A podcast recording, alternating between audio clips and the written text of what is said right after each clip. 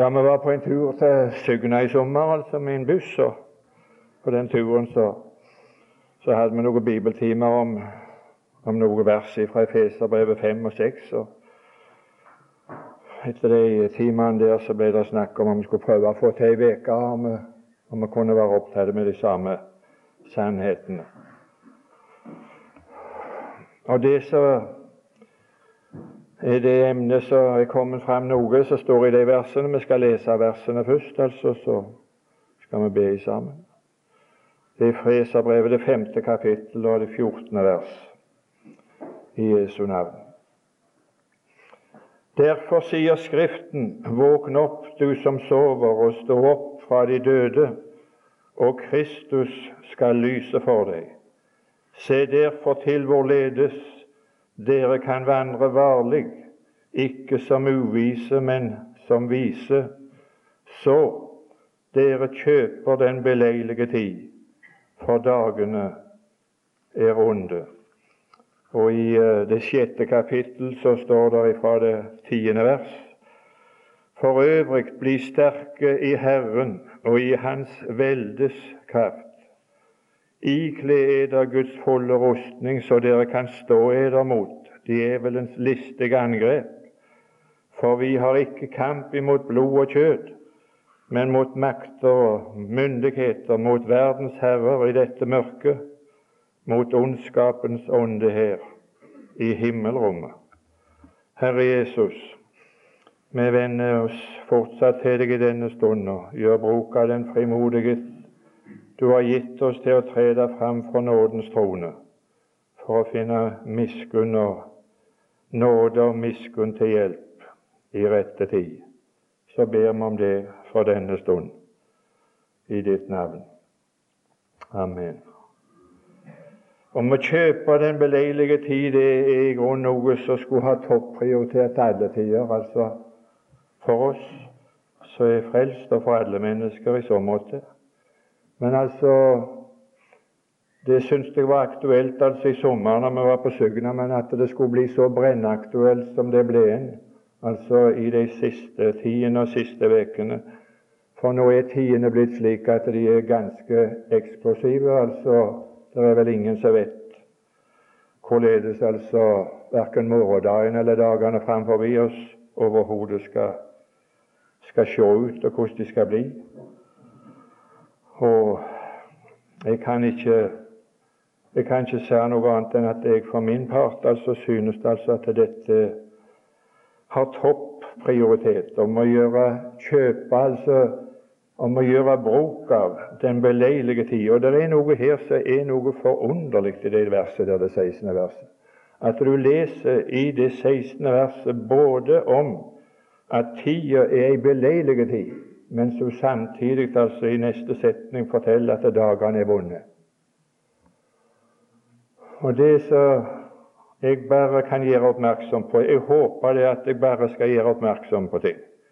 At jeg svært lite skal si om hva jeg mener og tenker og har tenkt.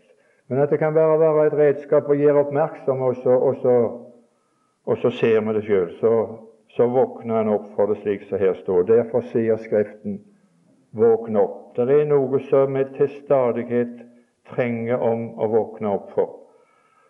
Og det er at den verden som jeg og du lever i, det er altså en skueplass for en gigantisk konflikt mellom det gode og det vonde. Det er altså det er noen grufulle krefter som er i virksomhet. Og det er ikke vanskelig å se og erfare altså at dagene er vonde. Jeg tror ikke vi trenger noen oppfordring fra Skriften at man skal våkne opp for å se at dagene er vonde, for det gjør vi erfaring av. Men det som vi trenger å, å bli gjort oppmerksom på, det er ting som kan få oss til å våkne opp for oss å se at midt mens dagene er vonde, så er det ei beleilig tid. Og den beleilige tid, altså, det er det ordet som er brukt her, det, det er ikke brukt mange ganger i Bibelen. Det er brukt iallfall én gang til, og det er i forbindelse med hu Herodias kona til Herodes, kong Herodes, hun hadde, hun hadde lagt døperen Johannes for hat. Og hadde tenkt også å få, drepe han, men det var ikke spøk for, for han altså få det gjort. Hun ville gjerne drepe han, men hun kunne ikke få utvirka det.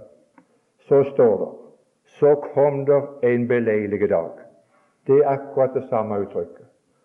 Og den beleilige dag som kom, det var en beleilig dag for henne til å få gjort det som hun ellers ikke kunne få gjøre. Og den beleilige dagen som kom, det var at hun fikk en anledning rett opp i hendene om å få lov å få, å få utføre det som hun ville, og få ta livet av. Hun ba, hun ba om å få hodet til Johannes på et fat, og det, det ble utvirka. Det er iallfall godt at det ikke er i en sånn hensikt at det er beleilig tid for oss å få gjøre vondt.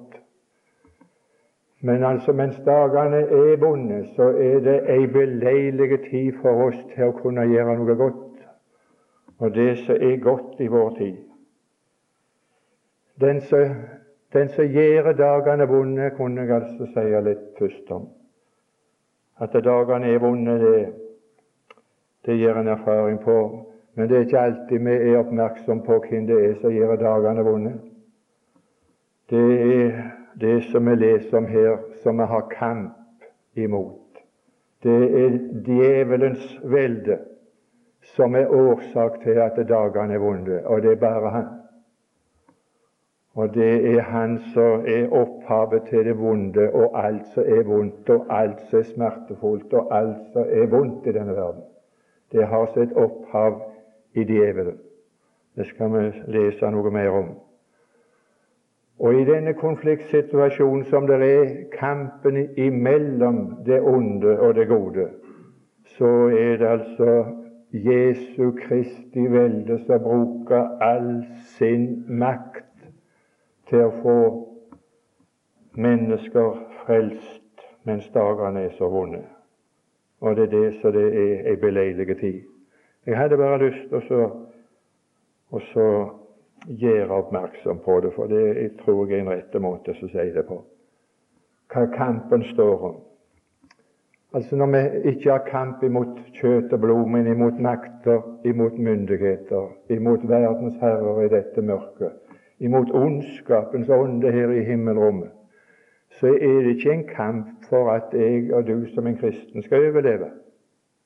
Men det er en kamp imot disse makter og myndigheter for å rive sjeler ut ifra Satans makt. Det er kampen om sjelene det står om. Og det er hele denne kampen mellom det vonde og det gode i denne verden, det står bare om hvem som skal vinne en menneskesjel. Og det er den kampen jeg og du skulle, skulle kjøpe den beleilige tid, for nå er det en beleilig tid til å at folk skal bli frelst. At det var ei beleilig tid i fjor og førfjor, det var greit. Men Bibelen sier altså at det er ei beleilig tid nå. Sjå nå er ei beleilig tid. Sjå nå er det frelsens dag, står det. Og jeg, eh, jeg trenger iallfall stadig til en vekkelse. Derfor sier Skriften, våkn opp, du som sover og så se at det er altså ei gunstig tid, og så, og så drive med, med vekkelsesarbeid og drive med sjelevinnerarbeid. Og det er ei gunstig tid for folk å bli frelst i, og så søke Gud. Har aldri vært gunstigere. Har aldri vært ei mer beleilig tid til å bli frelst enn akkurat nå. Det er det mange som er uenige med, men hvis, hvis du våkner opp for det som Bibelen sier, så sier Bibelen at akkurat nå så er det ei beleilig tid, så det jeg og du får rett opp i hendene til å være med og vinne sjeler. Og de som ikke er frelste, så er det ei beleilig tid for dem å bli frelste. Og jeg skal fortelle det med, med to ting. Det første det står i Matteusevangeliet, det tolvte kapittel og det 39. vers. Der står det hvorledes Hvorledes skal du en kunne gå inn i den sterke sitt hus og ta ifra han hans bytte, uten at den sterke første blir overvunnet. Men da går det an å gå inn og ta det. Og nå er det som er sannheten og realiteten. Det er at på Golgata der gikk den Herre Jesus inn i den sterkes hus, og så overvant han djevelen. Så den som jeg og du har kamp med, vi må våkne opp og kjøpe den beleilige tid. At nå, mens det er i beleilige tid, så kan en gå inn. Og så kan en befri, som vi synger i den sangen. Og de fanger som enn er i den ondes palass, kall dem hjem for den truende dom. Det, det var det så er den beleilige tid, fordi at djevelen er overvunnet og beseiret, så han kan ikke holde fast på et eneste menneske. Hvis jeg og du vil søke å vinne et menneske for himmelen, så er det ingen djevel som kan holde det fast. Og hvis et menneske vil bli frelst, så er det ingen djevel og ingen makter som kan hindre dem i å bli frelst. Den som vil bli frelst, for han er det ei beleilig tid til å bli frelst. Jeg vet ikke noen ting som er så godt for meg å våkne opp for. Skal ikke si noe mer om det. Men det andre i forbindelse med at det er ei beleilig tid, som må kjøpes, det er det at ei uh, beleilig tid, den beleilige tid som hun der Herodias gjorde seg bruk av når hun ville utføre sin vonde gjerning, det var i et øyeblikk som måtte hun slå til. For det var en anledning som gikk forbi. Og Hadde hun ikke benyttet den og hadde den, så hadde den gått forbi, og så hadde hun ikke kunnet gjort det. Og den beleilige tid som jeg har, og du har til å vinne sjeler. Og den beleilige tid som det er for folk som ennå ikke er frelst, til å bli frelst, den tida den er, den går, og den kan gå forferdelig fort forbi. Derfor er det om å gjøre å slå til og kjøpe når, når, når det ennå er sånn tid. Og det som jeg sa om at eh, vi lever akkurat nå i en tid som er så eksplosive, så, så vil jeg så sant så helse krefter og Gud gir nåde til det, så vil jeg, vil jeg driste meg til å prøve på å vise i møte i morgen og torsdag. Men flere møter skal han ikke bruke på det. Men i morgen og torsdag så vil en altså lese og gjøre oppmerksom på noe som stiger fram akkurat i vår tid, som aldri har steget fram før, som forteller om at nå er den beleilige tid kanskje snart forbi. Så skal, det, skal vi vinne noen, så må vi slå til fort. Og skal folk overgi seg til Gud, så må de gjøre det fort. For all anledning kan være forbi så er det for seint. Det står et ord i det Romerbrevet, det 11. kapittel og det 25. vers. Det, det, er et ord Det er sånne ord i Bibelen, og de der og der, de, de kan du slå opp hvis du vil, så vil du finne at det har med, det har med årstall og dato og klokkeslett å gjøre. Det er inntil. Det er altså det, det er en bestemte dag i kalenderen. Men hva dag det er, det står ikke der noe om. Men det står inntil den beleilige tid, den vil vare inntil fylden av hedningene er kommet inn. Og det der kritiske punktet som heter inntil, når vi kommer til det der inntil, det som forteller oss og varsler om på forhånd at nå er vi kommet til det kritiske punktet, at det er slutt på den beleilige tid til å bli frelst, og at det begynner noe ei helt annen tid. Det er noe som har forbindelse med, med jødene, og det har noe forbindelse med det som skjer akkurat i våre dager. Jeg skal ikke si så mye mer om det, men det som jeg hadde lyst til å si Så jeg trenger en uavlatelig vekkelse hver dag for at jeg må våkne opp for jeg har så lett for å sovne for den sannheten. Det var, det var mer beleilig til i fjor og før års å bli frelst av pokker enn det er nå. Det har jeg så lett for å tenke. Og så sier Bibelen det at det, det er beleilige tider akkurat nå. Akkurat denne høsten. Gud i himmelen gi at vi ved å bli gjort oppmerksom på hva det står, ble våkna opp for for den forventningen, altså, at her, her må det skje, og her må det skje nå i høst. Nå må det skje i dagene som ligger framfor oss. Det må skje fort. Det kan jeg fortelle om forskjellige grunner for, men det skal jeg la være. 15. vers. Se derfor til hvorledes dere kan vandre varlig, ikke som uvise, men som vise. Og Det som har med vandringen å gjøre, det er altså problematisk å snakke om som regel, altså. Men her er det ikke svært problematisk. Det å vandre varlig Altså det ordet jeg har, jeg har altså fått skaffet meg noen ordbøker for å lære norsk å kjenne. Og det ordet 'varlig' som brukes der, det, det betyr at jeg og du av denne grunn må vandre varlig i den betydning av ordet at vi vandrer med oppmerksomhet. Det sto altså i det 15. verset framfor det her i Efeserbrevet 5. Efeserbrevet 5 i de tre versene vi holder oss nå. Dette var det midterste. Se derfor til hvorledes dere kan vandre varlig. Vandre varlig at vi er påpasselige og oppmerksomme, som vi slår til når det er ei beleilig tid. Jeg skal si deg det altså at jeg sover mer en dag for den beleilige tid. Jeg slo ikke til når jeg var der. Det var jo bare et flyktig øyeblikk. Og hadde du slått til da, så hadde du kjøpt den. Men så gikk den beleilige anledning deg forbi. La oss derfor vandre varlig på den måten at vi er oppmerksomme og påpasselige og venter til hver tid å møte et menneske hvor det er beleilig tid og vinne det fra himmelen. Du store all verden. Her trengs det vekkelse hver dag. Vandre varlig, påpasselig oppmerksomhet. Ha alltid det for øya. Munn, munn, han og hun er mottagelige for et ord nå. Være alltid innstilt på den bølgelengden. Kunne få lov å være med og be for deg at du må bli frelst? Det var det. Det er det som har nummer én. Det er det som har prioritet nummer én hos Gud. Alt annet kommer langt, langt ut i rekka.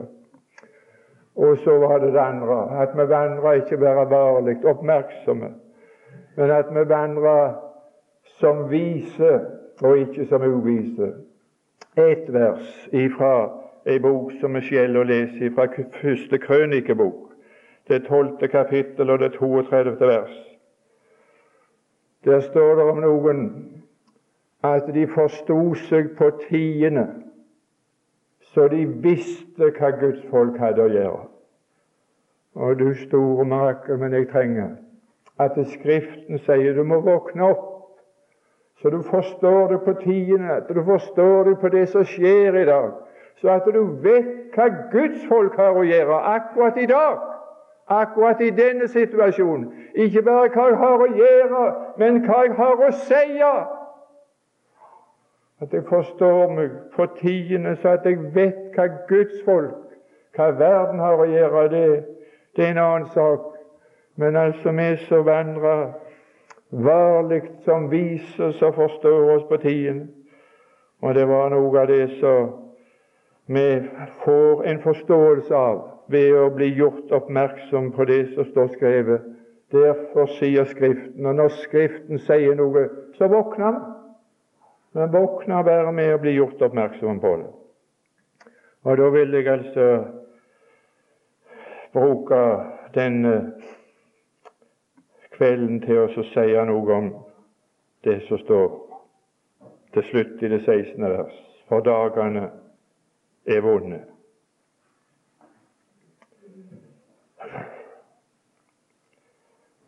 Jeg er Ja, det må jeg si altså at jeg er takknemlig for alt, all den tid jeg har brukt til å sitte ved bedehuset. Den er jeg takknemlig for å høre.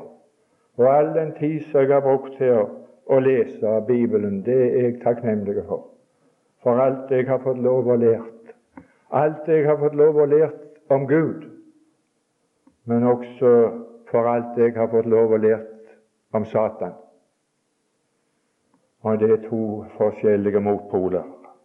Skal jeg gi deg et vers i 2. Korintiabrev, der det andre kapittel og det ellevte vers.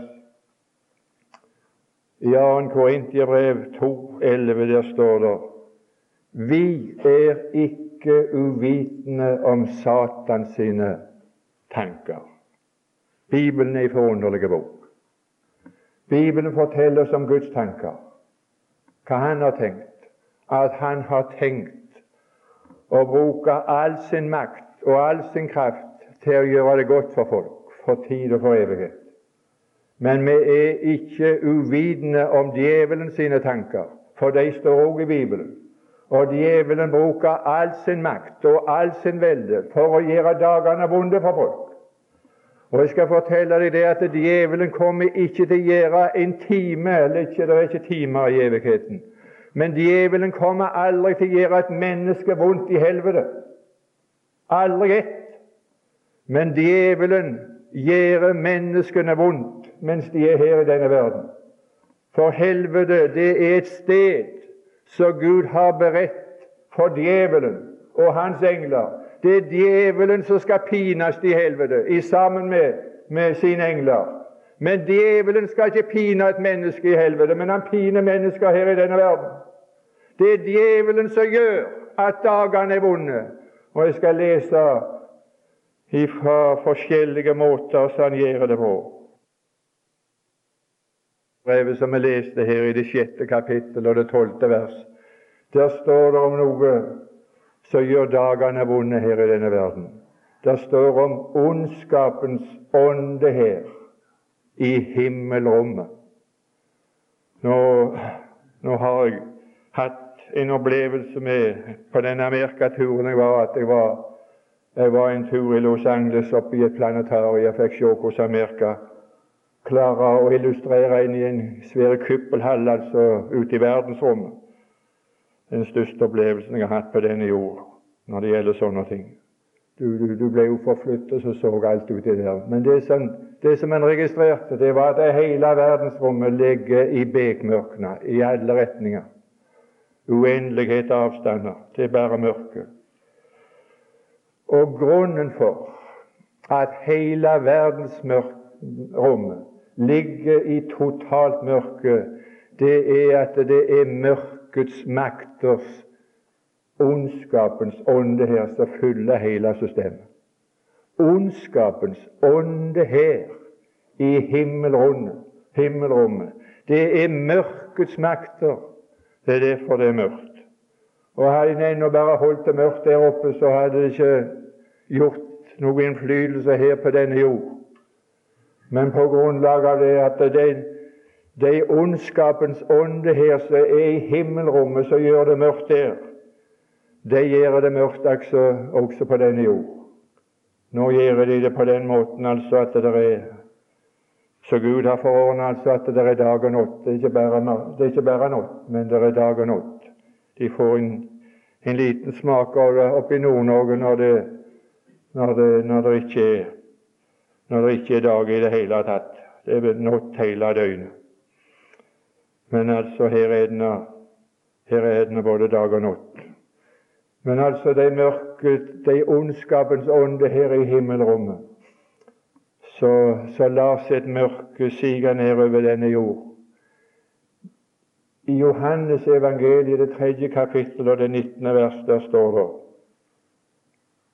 at mennesket elsker mørket fremfor lyset. Der, du verden, for ei uhyggelig makt som djevelen har på alle mennesker, på den måten at de, de er fanget av sin egen natur.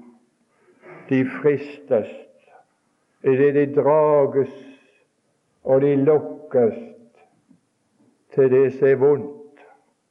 Jeg vet ikke om det er noen som kjenner seg fri for å være uten påvirkning av den sorten demoniske krefter. Jeg var her på søndag på misjonssøndagsmøte og hørte på en misjonær fra Madagaskar som fortalte om at de i Madagaskar opplevde at det ble drevet ut vonde ånder av folk. Det var vel gjerne på en mer synligere måte, men jeg skal fortelle deg om altså at, at forholdene på Åkra er altså ikke annerledes enn at disse ondskapens ånde her, de gjør sin innflytelse nedover på hvert eneste menneske. Skal du høre på noe? Noe som gjør det at nødvendig for oss å våkne opp og så kjøpe den beleilige tid. I profeten Esaias det åttende kapittel, og det er det 22. vers. Esaias 8, 22. Trengsel og angst, angstfullt mørke, de er støtt ut i natten. Det er noe som Satan bruker sitt velde til. Mørkets makt og mørkets velde. Vet du hva han bruker det til? Han bruker mørket til å gjøre det mørkt for folk. Og når han får gjøre det mørkt for dem, så kommer de i angst og i det ytterste mørket. Ja, ja. Det er mange folk, både unge og gamle, Åkra i denne kveld, så jeg du kan sitte i fred på Åkra bedehus, som er fylt med angst av forskjellige grunner. Og den angsten, den kommer ifra djevelen. Angsten kommer aldri ifra Gud. Det er djevelen som bruker sin makt til å gjøre dagene så vonde og uutholdelige. Jeg holder det ikke ut. Hvor mange ganger har jeg ikke hørt de har sagt jeg er så fullt av angst, jeg holder det ikke ut lenger. Det er djevelen og alle hans åndsmakter. Du trenger ikke reise til Madagaskar for å finne den sorten ånder i mennesker. Det er ondskapens ånde her i himmelrommet. Mørkets makter som fyller sjel og sinn med mørke og fortvilelse og angst og redsel, så de vil forgå. Å Gud i himmelen gi seg i Skriften at man kunne våkne opp som vi kjøpte den beleilige tid. For det er mens dagene er vonde for folk at det er muligheter for oss å gjøre bruk av den beleilige tid og komme med tilbud til mennesker som vil forgå, slik som vi har det i 2. Korintiabrev. Der står det i det første kapittelet og det fjerde vers skal slippe å gå langt bort gjennom gata. Verken denne gata eller noen annen vei på Åkra før du finner sånne folk. Der står det at jeg og du skulle kjøpe den beleilige tid, og så skulle vi trøste dem som er i all slags trengsel. Det er alle sorter trengsler folk er oppi. Ja, det, er det. det har vært sånt, og det er sånt. Det kommer en dag når djevelen skal bindes i sammen med alle disse ondskapens ånder her, så skal, det, så, skal det, så skal det, ikke bli mørkt mer. Men uh, så lenge som det er nå, så står det at det som jeg og du har å gå med, å kjøpe den beleilige tiden når djevelen har gjort dagene så vonde for folk at de er ikke i trengsel bare, men i all slags trengsel, så skulle vi komme til dem med trøst trøst dem som er i all slags trengsel. Jeg kjenner bare Kristi velde som bruker sin makt til å trøste de som har det vondt. Det er ikke mye trøst å få i djevelens velde. Djevelen han klarer å gjøre det vondt for folk. Men jeg har lært å kjenne den Herre Jesus, at han er i stand til å trøste og trøste folk i all slags trengsel. Tror du det er bruk for det? Hjelpe meg, det vrimler rundt omkring. Trøst. Vi kommer ikke til å kunne fri de ut av de vonde dagene mens de er her i denne verden, men vi kan gi trøst. Og så kan vi gi ikke bare trøst, men vi kan gi det som står i, i, i Tessalonikerbrevet om at Gud gav oss i 2. Tessalonikerbrev, det andre kapittel og det 16. vers. Og du verden, altså, men det er noe for folk å ha. Det kan jeg og gi et menneske. Han som gav oss et godt håp og en evig trøst. Ja, det er noe.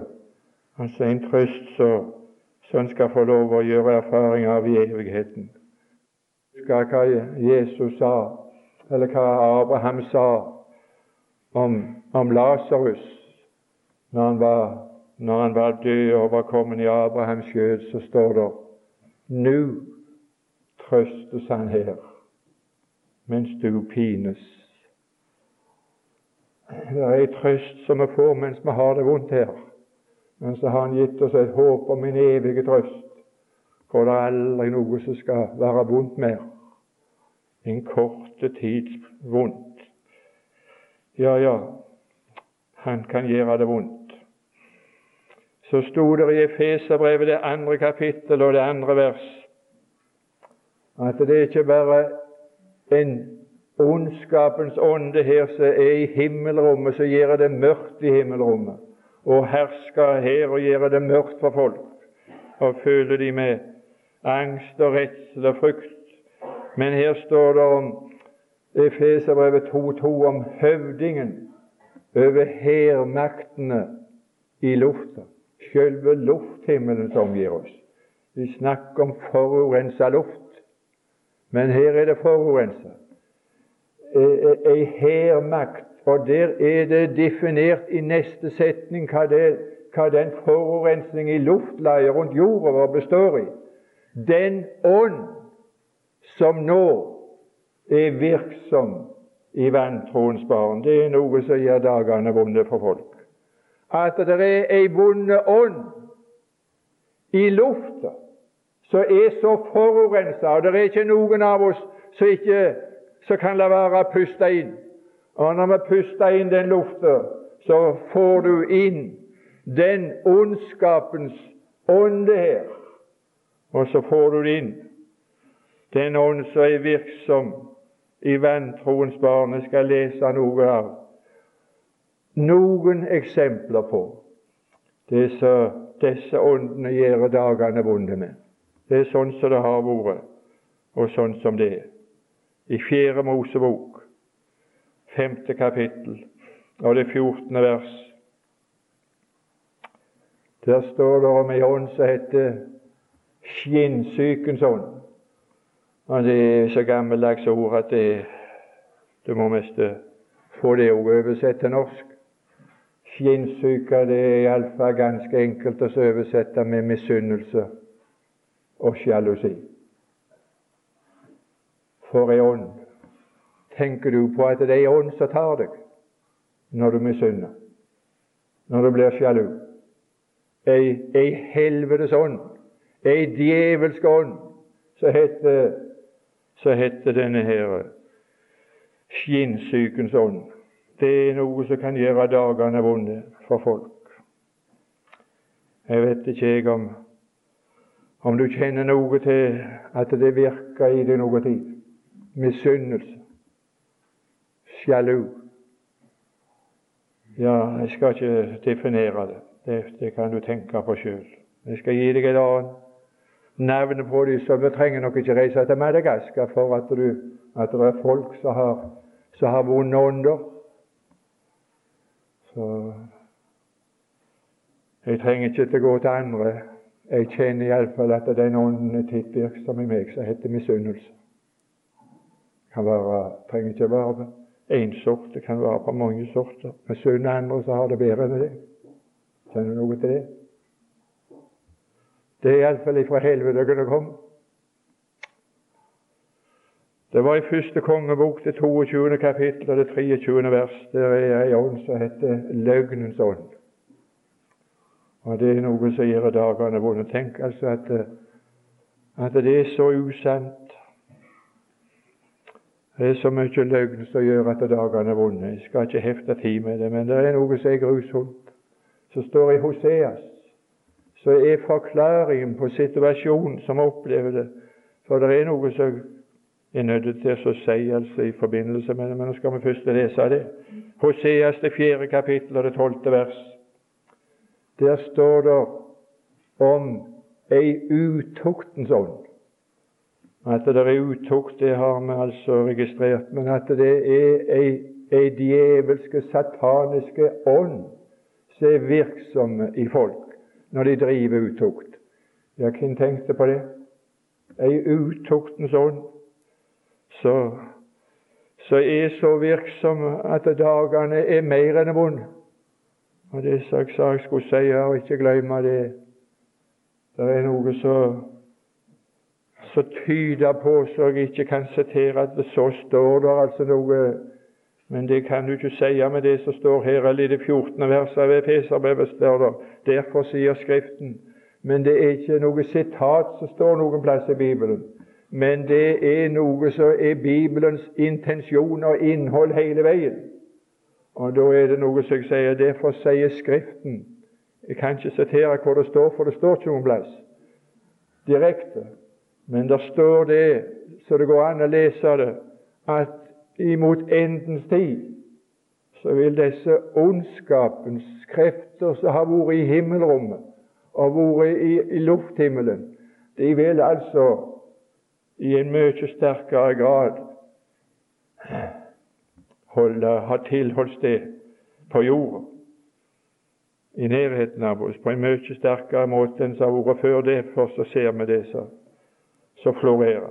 Én ting til. Første Johannes brev, det fjerde kapittel og det sjette vers. Der er det ei ånd som heter villfarelsens ånd. Det har det vært nede gjennom alle tider, men aldri noe lignament. Der står ei ånd bak alt som fører mennesker vilt. Det er djevelen som står bak når noen blir ført vilt. Gud fører ingen vilt. Det er en kamp om sjelene. Og det er åndsmakter bak alle disse tingene. Og Derfor er det ikke mot kjøtt og blod vi i vårt kristelige arbeid har kamp imot, men vi har kamp imot disse makter, mot disse åndsmakter, disse myndigheter, mot disse verdensherrer i dette mørket. Dette er det vi har kamp imot og skal beseire, og sannelig meg skal vi ha rette våpen. Skal det gå. Nå skal vi lese et vers til, så er vi ferdige med de åndene. Uhyggelige. Og hadde bare, så jeg sier, vært i Madagaskar, de hadde behov for å drive dem ut, altså. så så jeg er glad for at jeg ikke er i Madagaskar, men jeg er på Åkra. Og jeg trenger vedvarende, uavlatelig, som Skriften sier, å våkne opp for at Kristus skal lyse for meg, for at disse, disse åndene skal være virksomme i oss og høre Herren til. For det var en annen ånd som skulle virke i oss. Det var Den hellige ånd. Men her sto det i 2. Timotius brev, det første kapittel og det sjuende vers Der står om en ånd som heter motløshetsånd. Og når et menneske blir motløs, så er det djevelen som har gjort det. Så er det en ånd fra djevelen som kommer, og så gjør han deg motløs. Å, du store all verden. Når Kristus kommer Det har jeg lyst til å si her før jeg forlater. Når Kristus kommer igjen For det gjør han, og det gjør han ganske snart. Det kan iallfall ikke bli noe forferdelig lenge til. Og når han kommer igjen, vet du hva som vil skje? Det første som vil skje, det er det at han rydder opp i himmelrommet. Han tar også, ifølge åpenbaringen 12 Så langt er vi ikke kommet, men det er noe av det første som kommer til å skje. Han kommer til å rydde opp i hele himmelrommet, og så gjør han rent for alt som heter ondskapens ånde her i himmelrommet alle mørkets makter i himmelrommet. Resultatet av det det blir at det himmelrommet blir liggende i lys. For mørket, det har med djevelen å gjøre, og lys har med Gud å gjøre.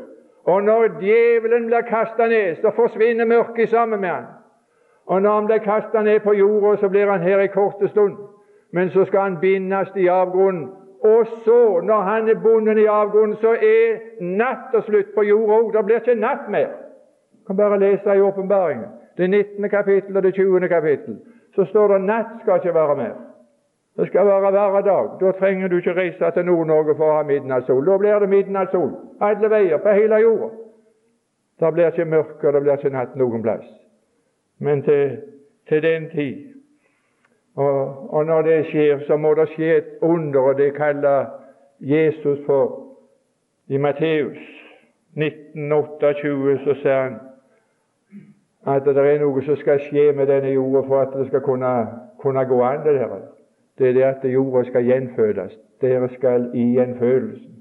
Det skal foregå en renselse både av luft og sjø og jord og, og alt sammen, slik at det skal, det skal kunne bli beboelig når han skal opprette det riket. Nå skal jeg ikke si noe mer om det. Det som har et tilbud i vår tid, det er at det er ånd, så alle de får. Nå er det en beleilig tid. Kjøp den beleilige tid og få Den hellige ånd buende i ditt hjerte. Så gir det noe annet enn det som djevelen gir. Ei ånd som skal sørge for å gi deg bare godt. Bare godt og bare miskunnhet skal etterjage meg alle mitt livstagere ifra Gud. For Gud er god og kan bare gjøre godt. Gud er lys og kan bare gi deg lys. Djevelen er vond og kan gjøre bare vondt. Han er mørk og kan gjøre det mørkt folk. Å eie Guds fred er en dyrebar skatt som bortdriver alt mørke og all natt. Jeg vet ingenting som kan drive angsten ut ifra et menneske uten fred med Gud. Jeg bringes til ro ved det enkelte å tro. Jesus, du døde på korset for meg. Det er den største godhet han har vært. Det siste jeg skal si i dette samværet her, det er at det er en som heter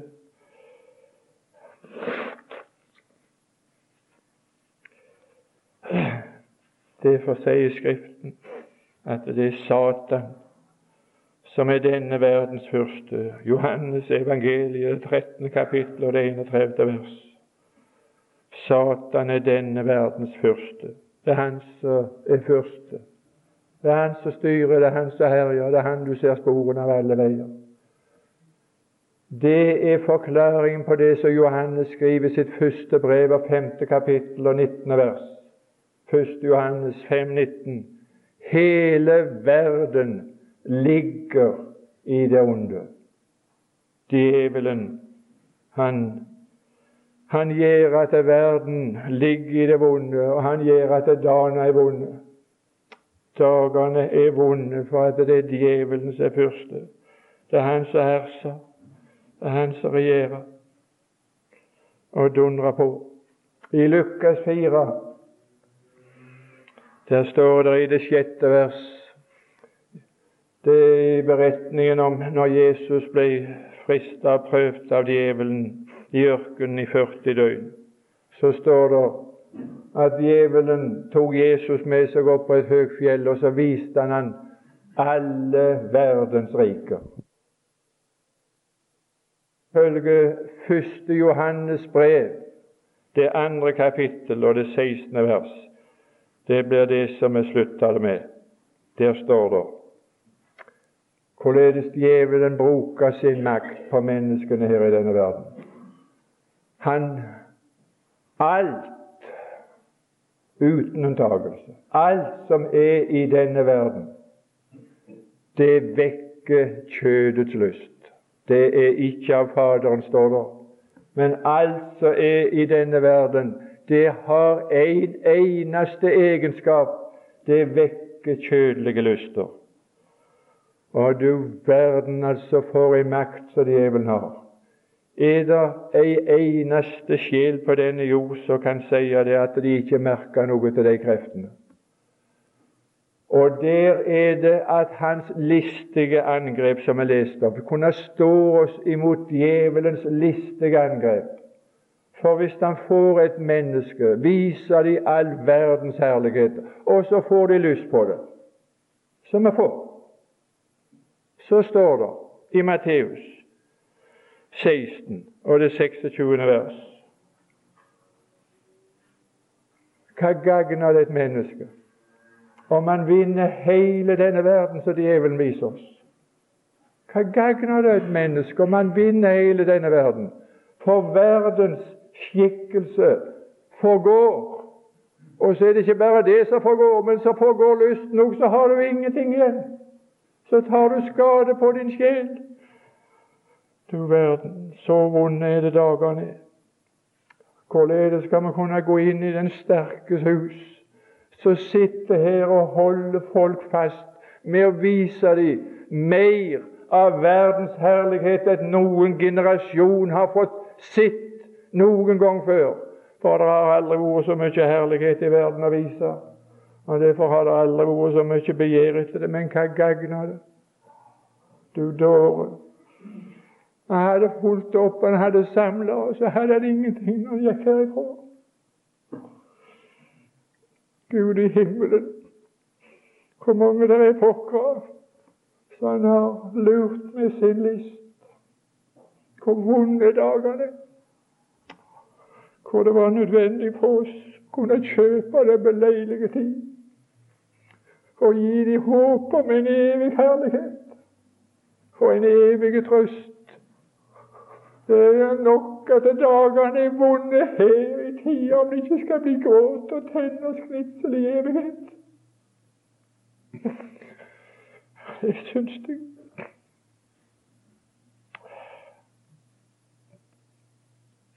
Tenk Tenk om, om vi kunne være på vakt og vandre så oppmerksomt at vi benytter første sjanse og bli av med et ord når det var en åpning.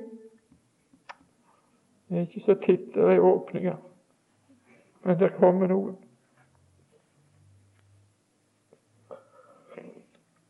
Altså i verden. Det vekker ikke bare kjødets lyst, men det vekker øynenes lyst. Men det er noe løye med øynene våre. Predikeren, den viseste mann som har vært på denne jord, Salomo. Han skriver det første kapittelet, det åttende verset, at øya det blir aldri mett av å se. Sjøl når du har fått sett alt, så er du ikke fornøyd. Du ville sett mer, men det er ikke mer.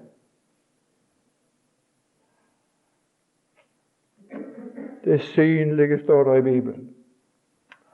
Alt det som djevelen kan vise oss, det synlige, det timelige, det forgår. Så er det ikke mer. Så er det ikke mer. Det, det, er, bli, det, det er djevelens list. Det er vonde da. Det siste som står der i Johannes. Alt som er i denne verden, det vekker ikke bare kjødets lyst og øynenes lyst, men det vekker storaktighet i levnet. Det er mye som folk har tenkt på. Nå skal ikke jeg si så mye verken fram eller tilbake om det, for ikke være enig eller uenig med noen. i så måte. Du får nå tenke hva du vil om det. Men det som er ganske sikkert, at alt som er i denne verden, det vekker en sånn storaktighet i levnet som Jakob skriver i sitt brev, det fjerde kapittel og det tolvte vers. Og jeg vil bare spørre hvem det er av oss som kan si at vi ikke merker noe av disse krefter når vi ser denne verden, at vi får storaktighet i levnet på den måten som han skriver. Da sier han der i 4.12.: I dag eller i morgen skal jeg dra til den by og så skal jeg bli der et år. Og så skal jeg kjøpslå, og så skal jeg ha vinning. Og så svarer han, du dåre, sa. Du som ikke vet hva som skal skje i morgen engang. Snakk om et år, og at du skal handle, og at du er sikker på at du skal ha vinning av det. Det er det sværeste, så, så storaktig du er blitt i dag eller i morgen, du som ikke vet hva som skal skje i morgen, vet du ikke at du er en røyk som viser seg en kort stund, og så er borte? Det er storaktighet å innbille seg at jeg kan planlegge et år, jeg som ikke vet neste time. Hvor mange har han ikke lurt? Gud hjelpe meg hvor mange han har lurt.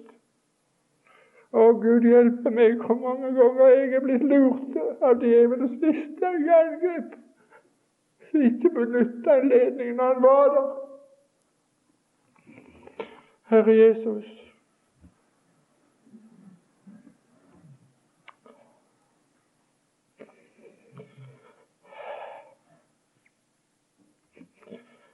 Jeg kan ikke si noe om Jesus ennå.